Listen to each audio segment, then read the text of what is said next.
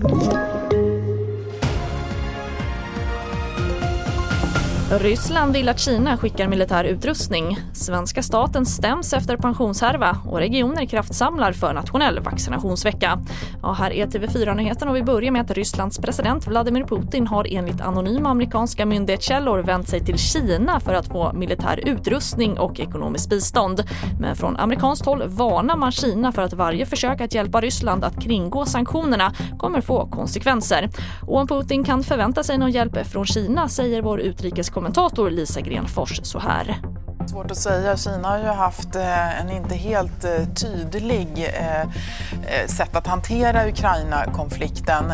Men den stora oron här från USAs sida det är ju egentligen vad hela den här utvecklingen innebär på lång sikt. Det som man brukar kalla the big picture. Och det är ju att USA försöker motarbeta att Ryssland och Kina bildar en både ekonomisk och politisk pakt i framtiden. Och Centrum för rättvisa stämmer nu staten efter TV4s avslöjande av Falcon Funds-härvan där småsparare fått sina pensionspengar flyttade med förfalskade flyttblanketter.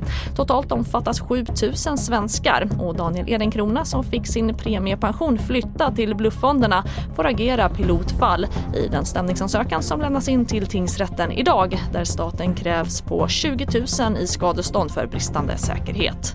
Första tanken var att man trodde aldrig att det kunde hända att det ska vara så lätt att en blankett läses av maskinellt och så är det bara några streckor utanför namnteckning. Det finns inget kopieringsskydd, ingenting. De borde ha vidtagit helt andra åtgärder mycket tidigare. Och det sa Daniel Edenkrona. Och vi avslutar med att idag drar en nationell vaccinationsvecka igång för att fler ska vaccinera sig mot covid-19. Det handlar bland annat om mer information och ökad drop-in-möjlighet att vaccinera sig. Alla regioner har märkt en tydlig minskning av vaccinationer sedan restriktionerna avskaffades.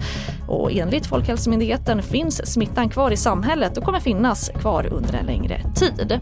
Fler nyheter det hittar du på vår sajt tv4.se i studion nu, Charlotte Hemgren.